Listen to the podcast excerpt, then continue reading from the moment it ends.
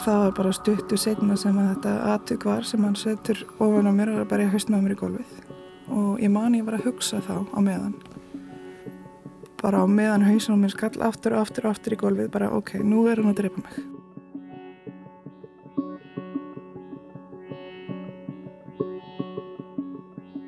Komiði sæl. Þetta er fyrsti þáttur á kverkataki, þáttum um heimilis og ofbeldi. Ég heiti Þórhildur Ólafsdóttir. Og ég heiti Viktoria Hermannsdóttir. Í þáttunum verður ringt í eðli, áhrif og afleðingar heimilis og ofbeldis á Íslandi. Fjallaverður máli frá ýmsum hliðum, þólenda, aðstandenda og gerenda og svo þeirra sem vinna innan málaflokksins. Við skulum byrja á skilgreiningu á heimilisofbeldi. Heimilisofbeldi getur verið andlegt, líkamlegt, kinnferðislegt, fjárhagslegt, starfrænt og félagslegt ofbeldi millir fólks sem á í eða hefur átt í nánu sambandi. Ofbeldið á sér oft en ekki alltaf stað inni á heimilinu, í skjólinu þar sem allir eiga vera örugir, börn og fullornir. Þættirnir heita kverkatak og það er ekki af ástæðu lausu. Við hnutum um það þegar við rættum við þólendur og aðstatendur að þegar þau töluðu um það líkamlega ofbeldi sem þau urðu fyrir eða urðu vitni að, myndust eiginlega öll á þennan verknað, kverkatakið. Kverkatakið byrtist víða. Til dæmis í gögnum sem Drífa Jónastóttir, afbrótafræðingur, er að skoða fyrir doktorsverkefni sitt. Samkvæmt minni mínu síðan dóttursverkefni þá erum 10% hvernana sem koma á bráðamótuguna eða hérna landsbytalinni fósvegi út af heimilisofbildi, ástæðan er heimilisofbildi 10% þeirra segja að, að hérna, hver, eru verið tekna hvertaki, hvertaki í þessari áró sem það voru að koma út á núna. Og í hvenna aðkvarðin er þetta algengar, það er um 17% þar sem að, sem að hafa fengið áverka eftir sérsagt, já, eftir í svona árás að hendi sambílismanns eða einmanns, að maka. Það er 17% að fengið við erum áverka á hálsunum eftir svona konar kýrkingar. Ragnar Björg Guðbrandstóttir, verkefnastjóri Bjarkarhlíðar, staldraði líka sérstaklega við kverkatækið þegar við rættum við hana um hvernig heimilisofbeldi þróast og stigmagnast. Og það er náttúrulega hérna, svona kýrkingatöku eða hálstök, kannski það hættulegasta og, og, og náttúrulega síðan döðsföll sem að gerist vissulega.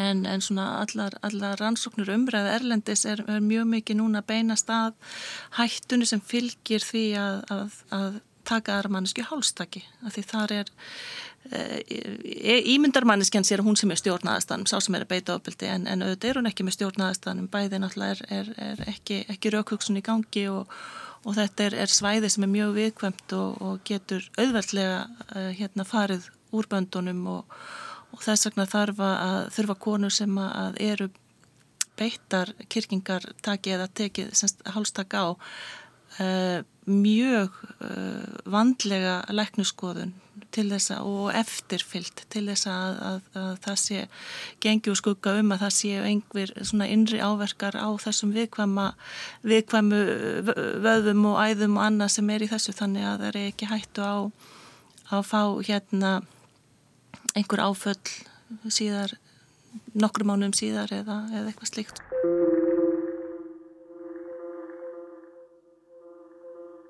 Hverkatak er eins og annað við heimilsóbildi. Stórhættulegt, lífsættulegt, hefur oft óvæntar, faldar og alvarlegar afleðingar sem taka langan tíma að koma fram.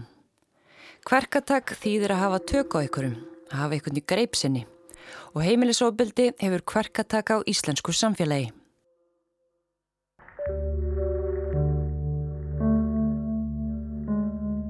Í þætti dagsins verður sjónum beint af þólendum heimilisofbeldis og þeim vítarring ofbeldis sem þau festast í. Við vörum viðkvæma við þeim lýsingum sem fara hér og eftir. Við byrjum á að heyra frásögn Hugrúnar Jónsdóttur sem var í ofbeldissambandi í sjö ár. Þau byrjuðu saman þegar hún var um 18-19 ára gömul og sambandið hófst óskup vennulega. En þegar hún horfið tilbaka þá mán hún eftir ákveðnum samskiptum í upphafi sambands sem eftir á eru kannski ekki eðlileg. Það setur svolítið í mér. Ég man hvernig það var svona fyrsta eiginlega rifrildi sem var eiginlega ekkit rifrildi, við vorum bara ósamála og það hérna, fór þannig að ég bakkaði með mín á skoðun svo að hann geti haft rétt fyrir sér mm. og það setti tón bara fyrir restina svona litlir ágreiningar urðu bara oftar og oftar og hérna hann þurfti alltaf að vinna ég leti alltaf að minna í pókan en það var bara einhvern veginn ástandi þannig á milli okkar að þú veist, hann hafiði átt erfitt, erfið að æfi og ég haldi þessari ólegnandi hérna, hvað segir maður þörf fyrir að passa upp á hinnaður hann svolítið sem eru örgulega típist fyrir konu sem lenda í þessum aðstæðum mm. það, þetta byrjar alltaf, þetta byrjar svo rosalega hérna, óljóst það farið yfir mörgjumanns bara lítið í einu og mann kannski hefur ekkert ég er ekkert vönd því, það var ekkert vönd því þá sem ólingur að fólk væri annað en bara gott og heiðalegt og hafði ekkert rosalega skýr mörg sjálf. Þannig að það var mjög auðvelt að fara yfir mín mörg og fá mig til þess að bakka. Smám saman þurkast út mörgin þannig að einstaklingurinn hinn einstaklingurinn getur alltaf gengið nærmanni Hvernig myndur þú skilgreina að þetta hafi svona farið já, einhvern veginn farið yfir eitthvað svona stig? Já, þetta er náttúrulega uh, þetta andlega, andlega kúnin hún bara þróaðist jáft að þétt í einhvern tíma. Tvö ár. Ég held að það er svona cirka tvö ár inn þegar hérna þetta var líkamlegt fyrir alvöru.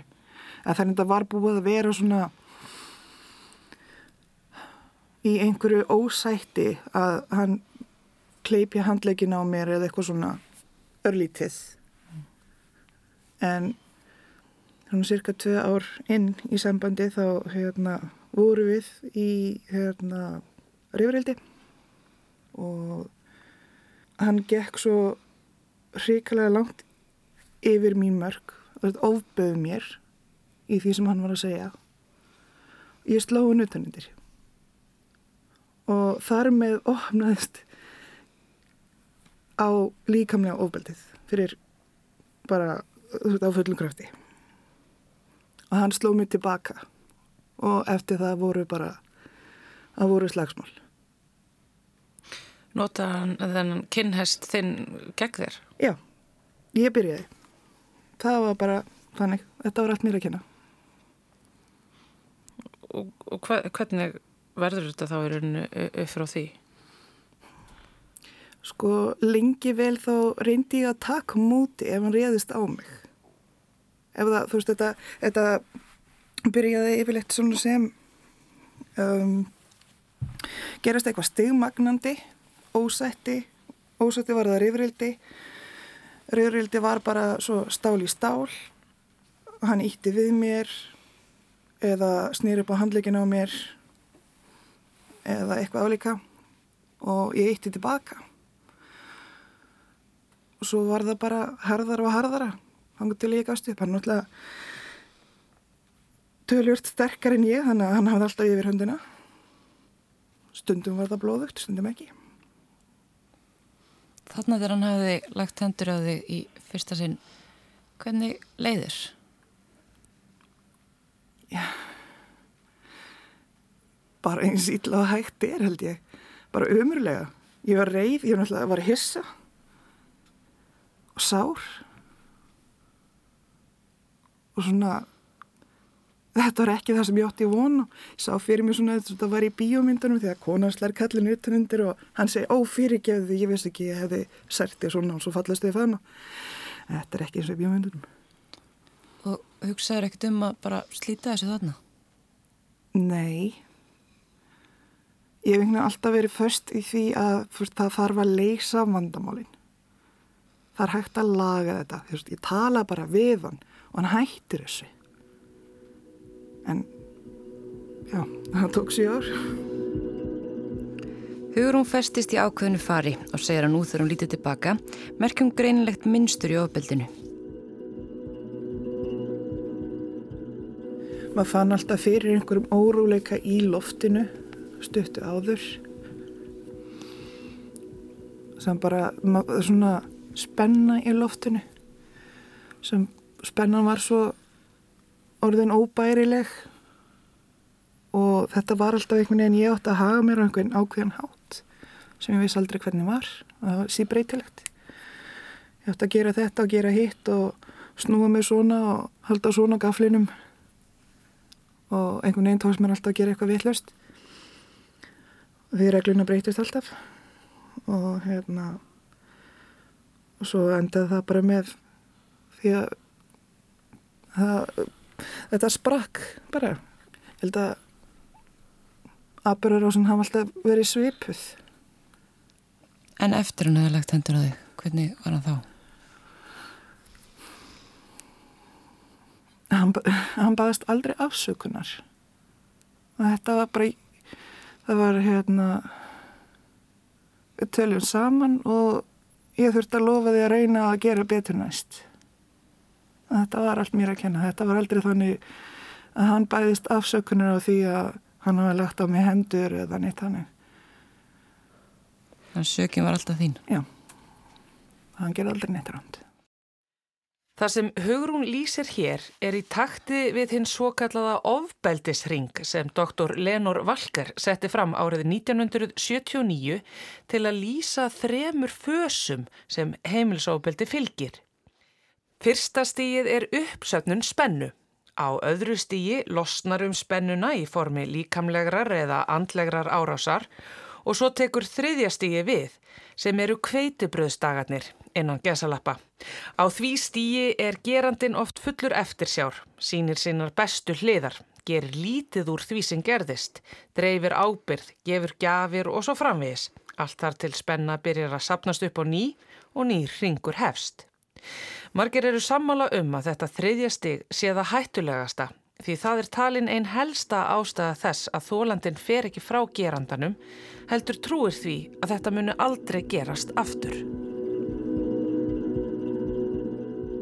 En ofbeldið á sér oftast afturstað og hjá hugurunu harnaði það verulega eftir því sem á leið í sambandinu.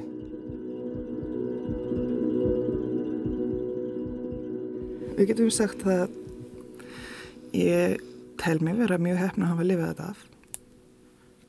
Ég man eftir tilfellið þar sem að dóttir okkar var sofandi inn í Herbyggi og við vorum frammi. Hann satt ón á mér og með nýjan ofan á handleginu á mér og held ég hárað mér og bara þau haustum á mér ítrekkaði gólfið. Bara lengi og þegar ég stóð upp þá var andlitið á mig dofið, fann ekki hafði ekki tilfinningu í hálfu andlitinu bara eins og er skipt lína niður eftir miðinni og við blóðna sér. Bara eftir höfuðheggi um, ansi oft sem hann tók mig kverkatakki og herti vel að. Eina nóttinu þegar ég var gekk með frumburinn okkar hefur ólíkt í fyrraskiptið og hérna var komin tæpa 36 vikur. Réðast mig, á, hann reyðast á mig þá um nóttina og daginn eftir þá hérna, fann ég engar reyfingar og fórum upp á súkrós og, og hann var dáin, strákurinn sem ég gekk með anduna fæðing Heldur að það hafi tengst ofbeldinu? Ég veit það ekki það er ekki hægt að segja til um það fyrir víst en það var allt skoðað. Þetta var ekki, ég var ekki minna meðgöngu ytrun, það var engin erðagalli sem fannst. En það voru blóðtappar í naflastreng. Þannig að það er ekki hægt að segja það fyrir. Sagður þú frá því upp á spítala að, að þú hefði orðið fyrir líkansárás? Nei. Ég er bara, ég leti eins og þetta hefði ekki gerst. Ég bara þorðið það ekki bara það óttarslegin að þú sagðir engum frá? Já, bara ég var í losti. Ég, ég var á einhverju sjálfstýningu þannig að gekk um eins og uppvækningur og var að reyna að hugga alla í kringum mig og meðan verið í hríðaverkjunum. Og var að hugga fóröldra mína sem komi og saði allir maður að það var alltaf leið með mig. En svo vikan eða mánuðurinn eftir þessu er algjör í móði, ég veit ekki neitt hvað var í gangi eða hvernig hitti eða neitt Fannst þér eins og ofbeldið breyttist eitthvað í þessi skipti sem að þú varst ólétt eins og Já, það harfði með alveg verulega sko. Það var þá sem hann byrjaði að taka mig hvergatæki og er það vel að bæði skipta sem ég var óleitt með hann. Þannig að ofbeldi jógst á meðgöngu?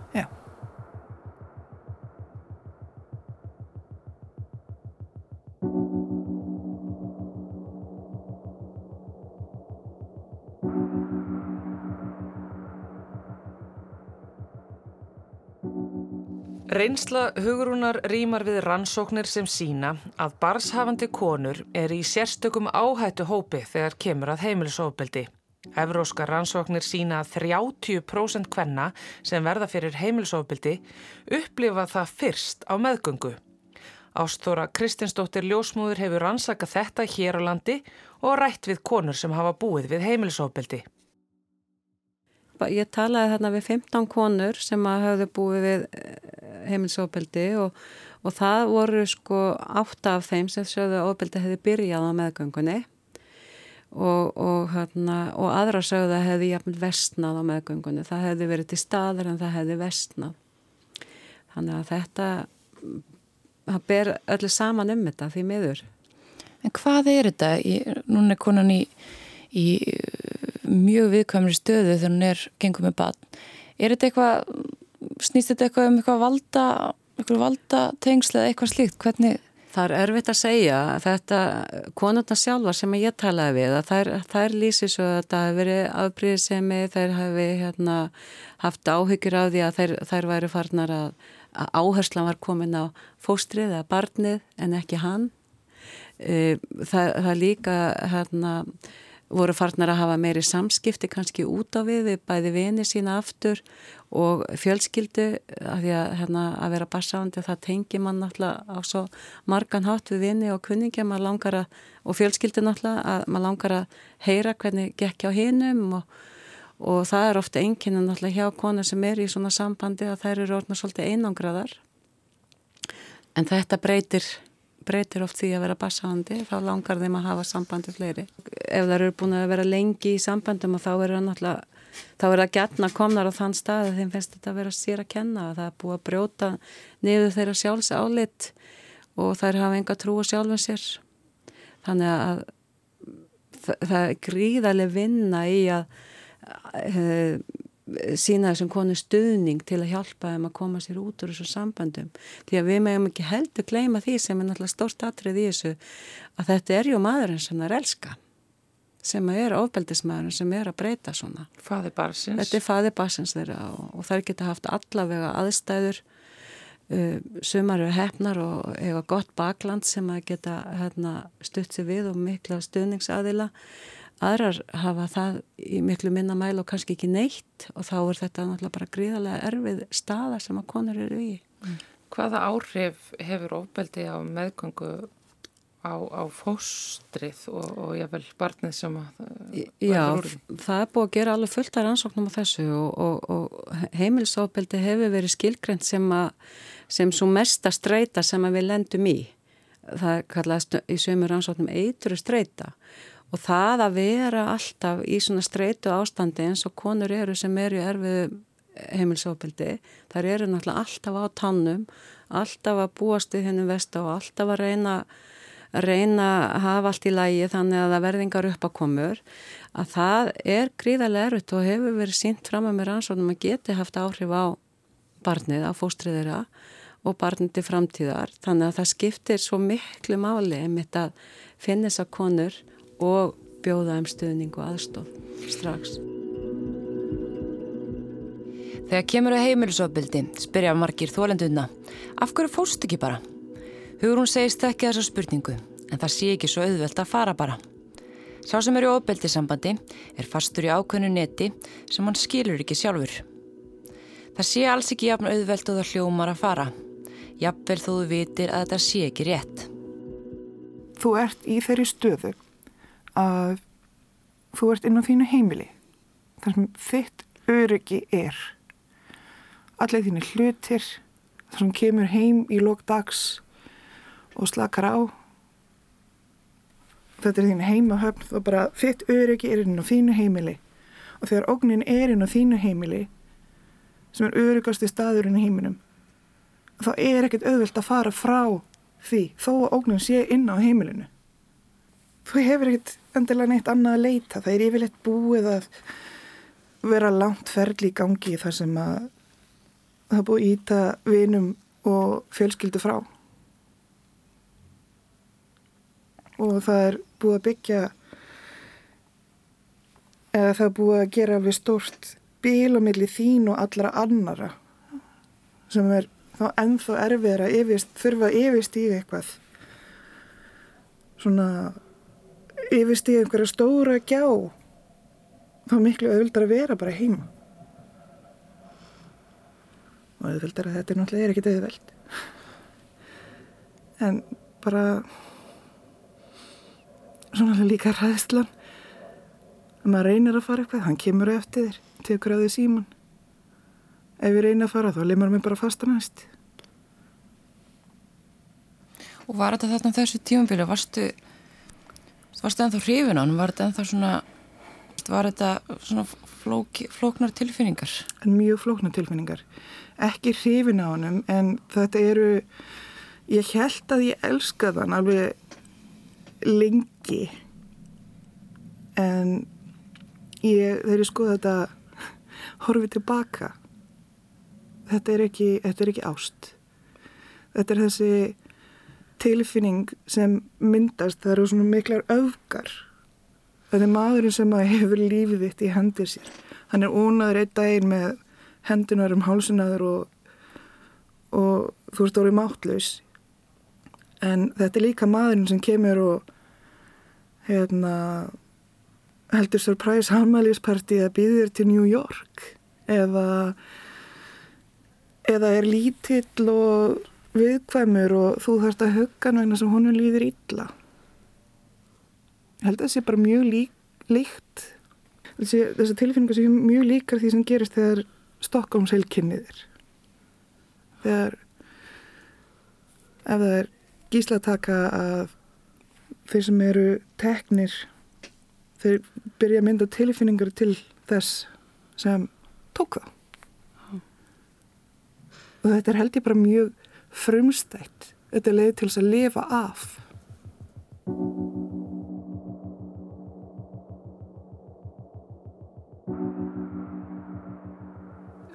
Sagður einhver tíman einhverjum frá þessu? Leitaði þér einhver tíman hjálpar uh, á, á innan heilbriðis þjónustunar eða í kvennaðkvarfið eða eitthvað slíkt? Já, fór tvísar í kvennaðkvarfið og hérna ég hafði bara ekki á þeim tíma þá hafði ég ekki, tí, hafði ekki kjark eða, eða reynlega orgu til þess að fara.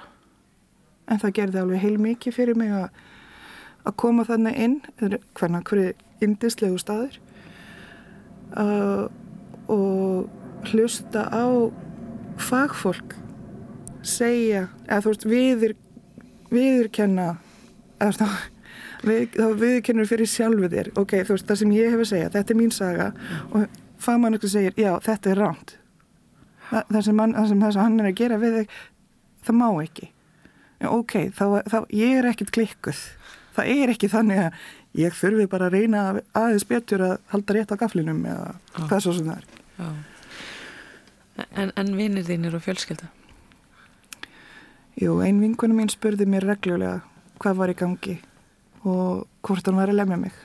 Og ég sagði alltaf nei, hann lemur mig ekki. En þess að það var eiginlega ekki þannig hann reytti upp nefan og kýldi mig en hann gerði allt annað. Hvort var að snú upp á fingur að snú upp á handleg eða ítamanni eða sparka í mann eða hvað sem það var. En hann, hann lamdi mig ekki. Langaði þið til þess að segja vinkonuðinni satt og rétt já, frá? Já, það sem held aftur á mér var það að bara svo tilhugsun það sem ég sá fyrir mér að þyrta gerast til þess að kemja út. Ef ég myndi segja henni hvað var í gangi og þá var ég að opna á eitthvað stórt sem ég réði ekki við og sæi ekki fyrir endana og það er bara rosalega ómvíkjandi það myndi þýða að veist, við þurftum að hætta saman. Hann þurfti að flytja út eða ég það þurfti að það, það myndi fullt, fullt af fólki koma inn í þetta. Pappa og mamma myndi koma söður og ég væri að raska lífi rosalega margra og tröfla alla í kringum mig. Bara fyrir mig. Bara svo ég geti losnað út úr sambandi. Ég bara, nei, það, veist, ég er ekkert að fara ruggli einhverju öðru fólki. Ég er bara sífanda sjálf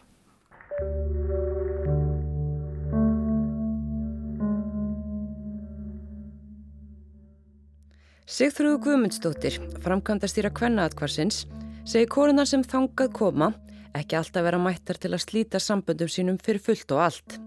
Þær séu margar áðvildar, hrættar og örugar. Það held ég að hérna, það mikilvægast að sé einhvern veginn að, að, að hlusta á konun og dæma ekki og, og að leggja ásla að gera ekki lítið úr óbeldinu því oftast hefur það verið gert allan tíman, bæði hún og gerandin og jafnvel allir sem þú hafa talað um hafa svona kannski oft bent á að hún hafa nú sjálf átt sinn þátt í þessu og hún kannski að gæti nú lagt meira mörgum til heimilisins eða drukkið aðeins minna eða er aðeins minna eitthvað þess og þar. Þannig að við leifum bara konum að segja sína sögu. Það eru auðvitað bæði, bæði sárt og ljúft. Það eru auðvitað sárt að hitta á konur í, í, í þessum aðstæðum og það eru oft skelvilega sögur að segja og það eru auðvitað ennþá sárara kannski þegar það segja það líka, eins og sagt, þessar löngu brotasögu þar það maður kannski átt hérna erfiða æsku og ofbildis æsku líka og eru svo með börn í þeim aðstæðum sem þeir eru að koma úr. En það er líka ótrúlega sigur stund að kona sér komin í hvernig aðkvarfið og sé að leita sér hjálpar og, og hérna og það er oft ótrúlega gaman og létt andrumsloftið í aðkvarfinu og það er mikið leiðar og, og hérna myndast fallið vinabönd og, og hérna verða marga sigur stundir í aðkvarfinu og það er auðvitað alveg fáranlega forreitandi að fá að vera vitnið af því að taka þátt í því. En konur sem að, það eru ekki allar konur sem koma bara einu sinni í aðkvarfið? Nei, það kom ekki allar einu sinni, flestar koma bara einu sinni og hérna í fyrra fóru 16% kvennana aftur heim til ofbeldismannsins sem er lægst að tala sem ég hef nokkuð tíma heyrt frá neinu kvennaðatkvarfum um, um, um heimfarir aftur til ofbeldismannsins. E, og það var aldrei verið svo lágt heldur í, í atkvarfinu e, þannig að svo hérna sáhópur er, er að minga hjá okkur hverju sinni. Og hérna en, en sumar fara aftur heim og hérna það er þá bara vegna þess að þeim finnst að vera það eina í stöðunni eða það er rétt að gera hverju sinni og við stiðjum þær bara, við kveðjum þær bara með því að þær séu velkomnar eða þær eru að koma aftur og hvetjum það til þess að leita sér hjálpar ef þannig fer.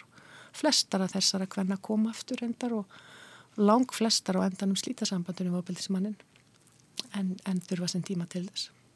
Við vonum auðvitað þegar konurna fara aftur heima að, að er þeirra býði ofbeldislaus framtíð mm. og það er þá ekki endilega okkar að dæma um það hversu líkurnar eru miklar á því að það gerist með eða án Karlsins hins vegar auðvitað eru líka margar á konunum sem fara frá okkur í nýtt eh, í nýjar aðstæður, nýtt heimili og, og hérna eru, þær eru ekkit endilega lausar við ofbeldið, eh, þær búa áfram við það eiga börn með þessu mönnum og það er umgengni og, og, og getur verið eilif tröflun og ofbeldi árum saman eftir, eftir að sambandiru er slitið. Er eitthvað, eitthvað sérstakt sem þarf að ganga á, er eitthvað ákveðu sem þarf að gerast til þess að konur komi til ykkar?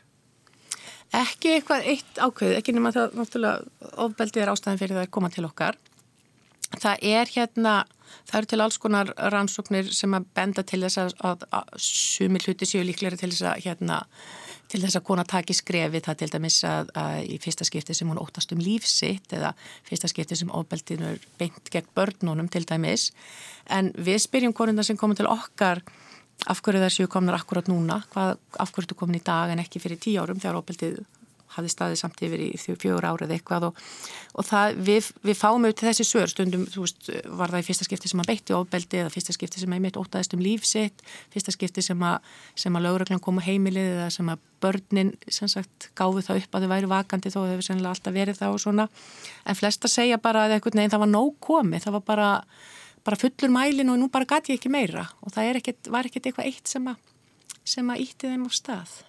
Stundum er bara nóg komið eftir 12 ár og stundum eftir 12 dagar. Bara, já, stundum, já, stundum er bara nóg komið á, hérna, og auðvitað hefur sjálfsagt oft verið nóg komið eftir 12 ár já, já. en á einhverjum, en, en einhverjum vegna hafa verið ekki samt akkurat lappað út á það, kannski ringt í einhvern eða sagst alltaf fara og farið til mömmu og verið í þrjáttaga eða eitthvað þess áttar.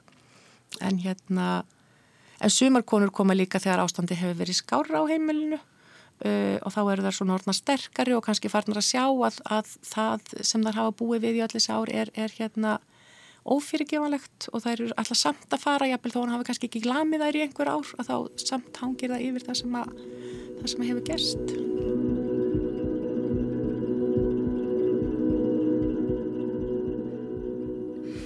Þegar þú fórst hvernig, hva, hver var aðdragandin og, og, og hvað hva gerir þau? Það var síðustu tvei ári, það var ástandi búið að vera alveg ekstra slæmt. Það var hann að um, svona okkar fættist andvana í 2003. júli 2002 og ég var ólitt aftur sex mánu setna og þannig á þessu sex mánu tímabili þá var ástandi allt, allt öðruvísi. Hann var miklu betri og ég held, ok, nú gerast eitthvað verulega slæmt, núna tekur hann sjá og það var þetta nýstandi tómorum að það átti að vera batmann í vöggunni og hann var ekki. Þannig að við ákvaðum að reyna aftur og ég var ólétt aftur og þá byrjar aftur ofbildið og þá var ég bara verið verulega hrætt. Ég hugsaði bara ég verð að fara, ég verð að fara. En algjörlega bjargalus, ég vissi ekki hvað ég átt að gera. Hann var með aðgangu öllum reikningunum mínum, uh, fylgdist með hérna vorum við rosalega nákvæmt bókalskerfi og fylgdist með öll, öllu sem ég eitti, ég gæti ekki gert neitt á hans að hann viss af því. Uh, þó hann var í hann var flugþjarn á þessum tíma. Ef hann var í Amerikaflugi þá ringd hann alltaf til þess að tekka á mér um leiðan lendi hvort ég væri búin að laga til og þrýfa eins og ég hafði lofað. Og ég þurfti bara virkilega að hann var bara eins og hérna, legamælir ef ég, bara, ef ég, ef ég hafði leitt mér að sitja og kvíla mig bara, nei, ég heyrið á röttinu þú ert að ljúa þú varst ekki búin að laga til. Þannig að það var bara, ég þurfti virkilega að passa með annars kostaði það bara þó að hann væri í bandaríkjunum þá þurfti ég virkilega að passa mig annars kostaði það klukkutíma, tvekja klukkutíma reyfrildi yfir síman og það var mér að kenna að það var dýrt síndal svo fæðist stelpann okkar 2003, september. Og hérna og það var bara stuttu setna sem að þetta aðtök var sem hann setur ofan á mér og bara ég höstna á mér í golfið og ég man ég var að hugsa þá á meðan. Bara á meðan hausin á mér skall aftur og aftur og aftur í golfið bara ok, nú er hann að drepa mig. Ef hann hættir ekki þá er ég annarkvært að fara að enda upp á sjúkrahúsi meðutundalaus og mun aldrei vera heila aftur eða þá hann er að drepa mig. Það er bara annarkvort og, og meðan líkur dóttir okkar hérna sofandinu rúmi og heit ekkert hverju gangi og þá er hún ein með hún þá er hann að ala hann upp og við það bara það kemur ekki til greina. Ef ég slepp lífandi út úr þessu þá fer ég. Og ég gerði það. En það tók alveg nokkra mánuði í undirbúningsvinnu og segja góður vinkunni frá. Um bara samna hugur ekki, finna út hvaða tími hendaði best, hvenar hann var í sem lengst í burtu. Þannig að eitt skiptið sem hann fór í Amerikaflíu þá greip ég bara saman það helsta sem við áttum með maður og fór til vinkunum var hjá henni í viku og flög svo núrið til aðgröður Til fóröldra hennar? Já, skildi allt eftir húsgögn og húsalegu samlingi í mínu nafni og bara allt sem ég átti.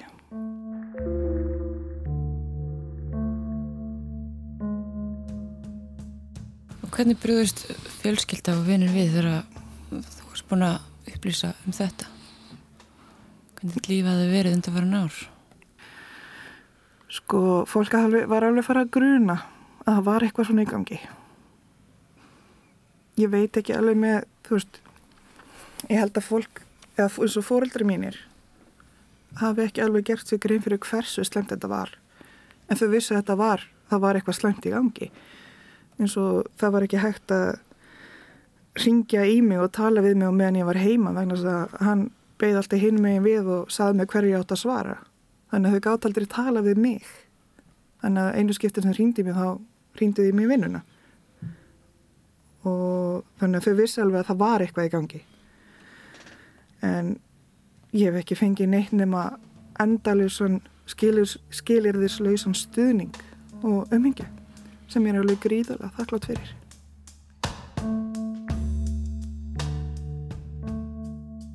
Saga Hugrúnar er á mörguleiti dæmiger fyrir þá stöðu sem þólendur heimilisofbildis finna sig í. Og Saga Hugrúnar er til í mörgum útgáðum. Nánatiltekið 1700 útgáðum. Já, því samkvæmt rannsóknum búa að meðaltali 1700 konur við heimilisofbeldi á Íslandi árlega. Og þetta eru bara konurnar, því þó þær séu meiri hluta þólenda, þá verða líka karlar og fleiri kyn fyrir heimilisofbeldi. Heimilisofbeldi ógnar ekki bara heilsu og velferð þúsunda árlega. Heimilisofbeldi ógnar mannslífum. Af öllum konum sem eru myrtar í heiminum er rúmlega þriðjöngu þeirra myrtur af maka. Meiri hluti morða á konum á Íslandi má reykja til heimilisofbeldis. Heimilisofbeldi hefur áhrif á okkur öll, jafnvel þó við þekkjum það ekki af eigin raun. Það mótar samfélagið okkar og það kostar beinharða peninga, milljarða árlega jafnvel. Drífa Jónasdóttir, afbrótafræðingur, er einmitt að rannsaka beinan kostnað sem hlýst af heimilisofbeldi sem konur verða fyrir á Íslandi. Ég er að skoða bara svona einan, gæti svolítið kallt hagfræðilega að tala um þannig, bara þennan beina kostnað eins og, mælist þegar allir mis kona kemur nýra á bræðamótöku með eitthvað áverka eftir líkansárós. Hvað kostar það mikið? Á, var hún lögð inn og hvað kostar það mikið? Um, ég er ekki að skoða svo afleiðingarnar af því fyrir konuna og næstu skrif hvort hún komist í vinnu eða annað. Ég er bara að skoða svona hráar tölur. Já, þannig að það er bara beinu kostnæðurinn en ekki síðan e, mögulegt vinnutap eða, eða þunglindi og afleitar afleiðingar heimlisofbildis á börn og gerendur og allt saman. Nei, bara er skoða, já, komur hvenna á spítalan og útkvæmt lauruglunar, dómsmál sem að, sem að sérst, þau mál sem fara fram í kerfinu, uh, velferðs við Reykjavíkuborgar, komur hvenna að hverfi og svo framvís. Já. Bara kaldu kostnæður af því. Það er hægt að reikna þetta út? Já, maður getur skoða bara hvað kostar marga, marga peninga að reyka til dæmis hvenna að hverfið og, hérna, og lagt það saman og, og svo er ég að finna út hver, hvaða konur eru það sem koma á spítalan ég finn það út bara með ákveðinu svona úrtagsaðferð og það eru þetta margar konur og svo finn ég bara hjá hagdelt spítalans eða þær takk út mig hvað kostiði þessar komur þessara kvenna, þá fæ ég bara nákvæmlega uppæð þessi kona hafa gert þetta og þetta, þetta fyrir hana og það kostiði 157.300 krónur. Þannig að reikna þetta bara svona saman alveg kallt og bara það sem eru staðfest aðvögg ekkert áætlað En það er náttúrulega tölvert um vanskráningar í kerfinu. Já, mjög mikið. Til og meins bara í kvennaðatkvörinu eru þær konur sem greina frá því að hafi ferðið á heilbriðistofnun vegna áverka út af heimilsofbeldi. Þá eru bara 20% þeirra kvenna sem treystu sér til þess að segja frá því að þetta var eftir heimilsofbeldi. Hínar treystu sér ekki til þess að höfðu eitthvað annað. Þannig að þú kemst aldrei veist, að heildar upphæðinni en þú getur ringt í þarna ákveðin hluta. Já. Hvað eru að tala um háar fjárhæðir? Árlega? Úf sko þessi beinikostnæður er eitt og svo þessi afliti svona óbeinikostnæður er annað. Þetta er auðvitað miljardar á ári um, og erlendaransonir segja þetta er stór hluti af bara rekstri nokkur, nokkur prósent af rekstri heilbríðskjöfun sem sé í England til dæmis, tala um 3% af öllu heilbríðskjöfun þar, 3% af rekstrinum þar er bara þetta. Þannig að maður getur svona slegið því upp á hvað kostar að reyka landsbytjalun og kerði hér og tekið 3% af því. En, en það er aftur líka bara óabyrt, þetta er kannski ekki alveg sambærilegt hérna sambærilegt samfélag öllu leiti sko þó við kannski byrjum okkur saman en já, er, þetta er alveg stóra upp þetta er ekkit einhverjir hundra áskallar sko. En bara ergo söm, heimilisofabeldi kostar samfélagið rosalega mikið. Já, mjög mikið.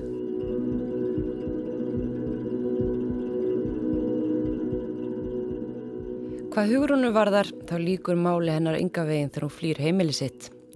Maðurinn heldur áfram að áreitana og svo fer að hún lokar á öll samskipti við hann. En þau eiga badd saman og þá tekur kerfið að sér milligöngu. Hann fekk umgengni í gegn um, þegar hún var, og það var reglur umgengni frá 7 til 9 ára aldurs hjá henni. En svo komst það upp hérna 2013 að hann var farin að brjóta á henni. Hún saði mig það og ég ringdi strax morgunin eftir í barnavend og við vorum bóðaði viðtali í barnahús. Það sem þetta var staðfest. Og það var bara sett stoppa á allir umgengni. En hann hefur um leið og þetta komst upp hann hefur ekki reynd að hafa samband síðan þá.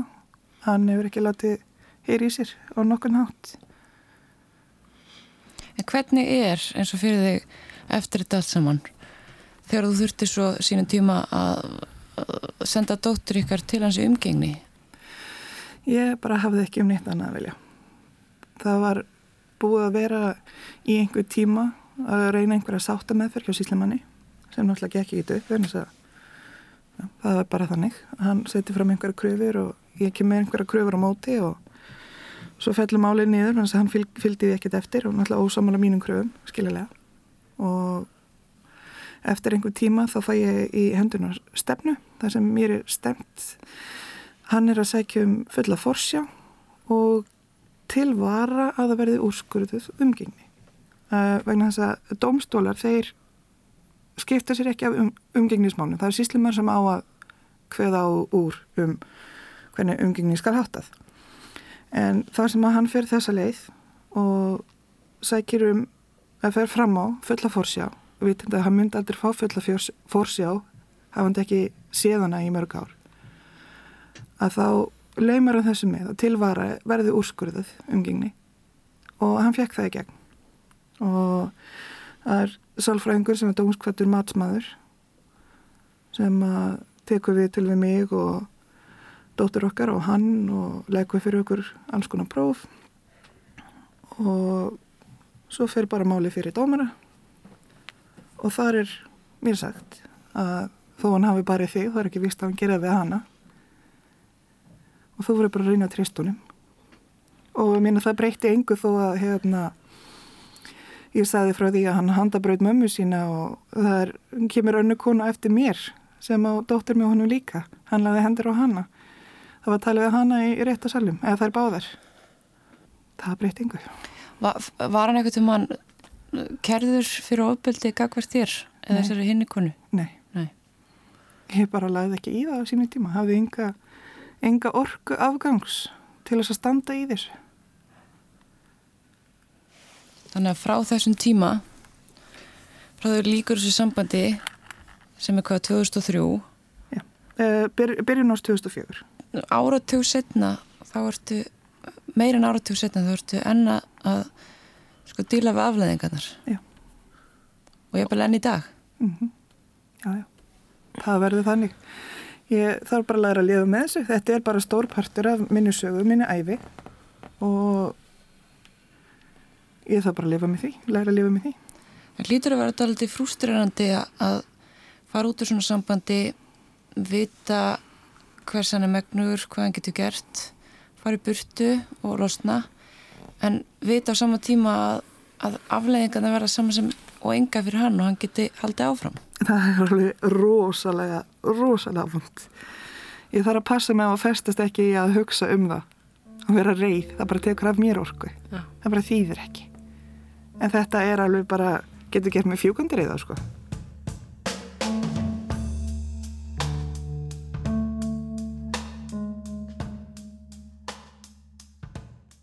Hvernig stendur maður aftur upp eftir svona? sko ég eiginlega gerði þau mistök eða mistök, ég náttúrulega vissi ekki betur. Maður kann ekki að díla við svona, eðlilega. Um, það sem ég gerði var að reyna bara að loka þetta niðri og halda áfram með lífið. Ég náttúrulega það var gríðarlega léttir að sleppa frá honum.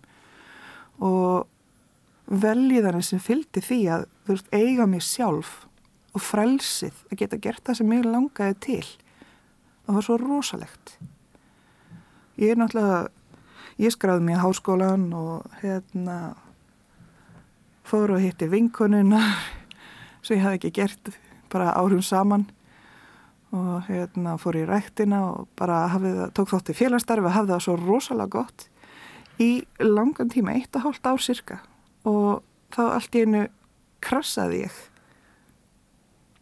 Bara einn daginn fjall saman brotnaði niður að hákar átandi og skildi ekki hvað var í gangi. En það er náttúrulega bara þetta að þú ítir bara vandamálunni niður eða sópa myndir móttuna svo sagt ég í stað fyrir að takast á um vandamálin. Þau eru þannig og það mun komið baki að þér. En það sem þarf að gera er að gangi í gegnum allan að sásuka tilfinningar svo ósveru spurningar. Það þarf að vinna með þetta.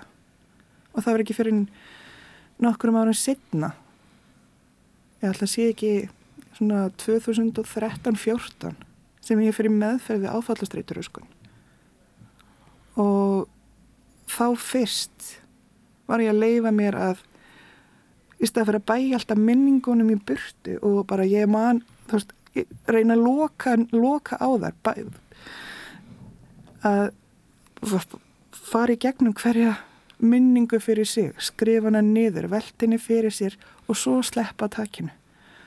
Þá þá fyrst sem að álægið á mér mingaði, mér fór að líða betur minningarnar hættu að poppa upp í martröðum eða bara við einhver ástæð, aðstæður það sem var smá aukið álag á mér að þá fóru, komið myndir upp í hausin á mér af honum að vera að lemja mig eða ég haldandi á dánu barni eða eitthvað svo leiðis en þetta er búið að vera laung og erfið vinna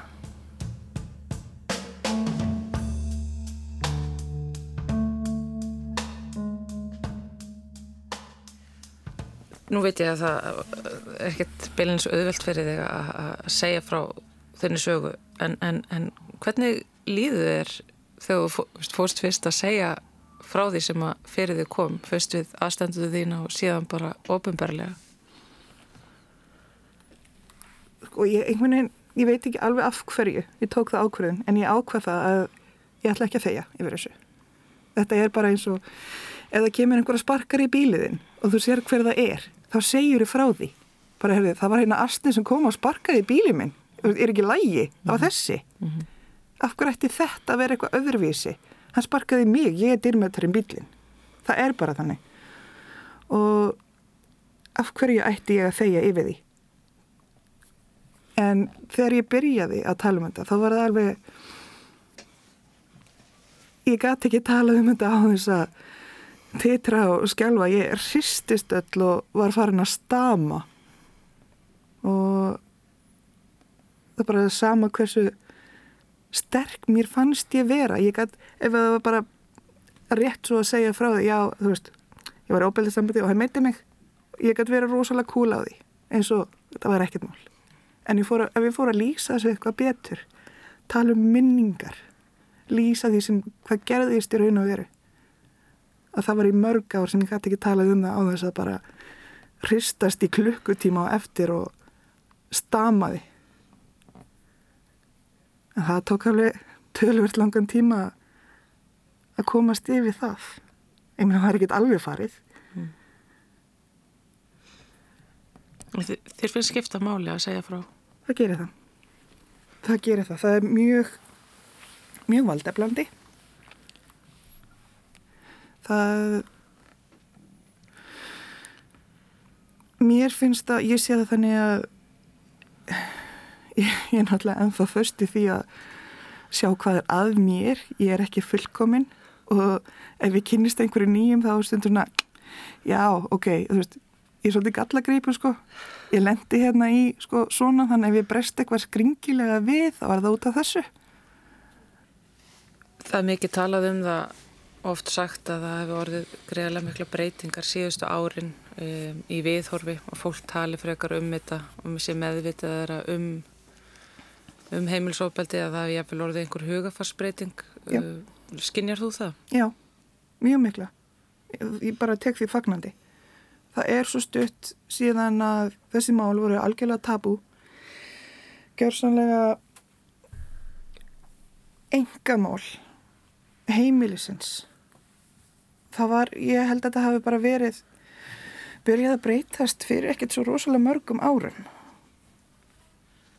En núna er þetta bara hvernig kúlturinn er í kringum alltaf þessar samfélagsmiðla alltaf þessar hreyfingar sem hafa farið í gang feminískar hreyfingar að rjúfa þögnina höfum hátt og við segjum frá ofbeldi og berjumst fyrir því að þetta er ekki í lægi, þetta er ekki samþygt af samfélaginu og það eru bara, það eru gríðarlega stórir hópar af góðu fólki og eftir því sem ég hef séð best, mestmagnus konur sem hann gjör svona neyta að hafa samfélagið eins og það var.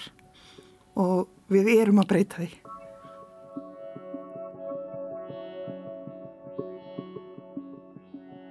Þetta var fyrsti þáttur af hverkatæki, þáttum um heimilisofbeldi.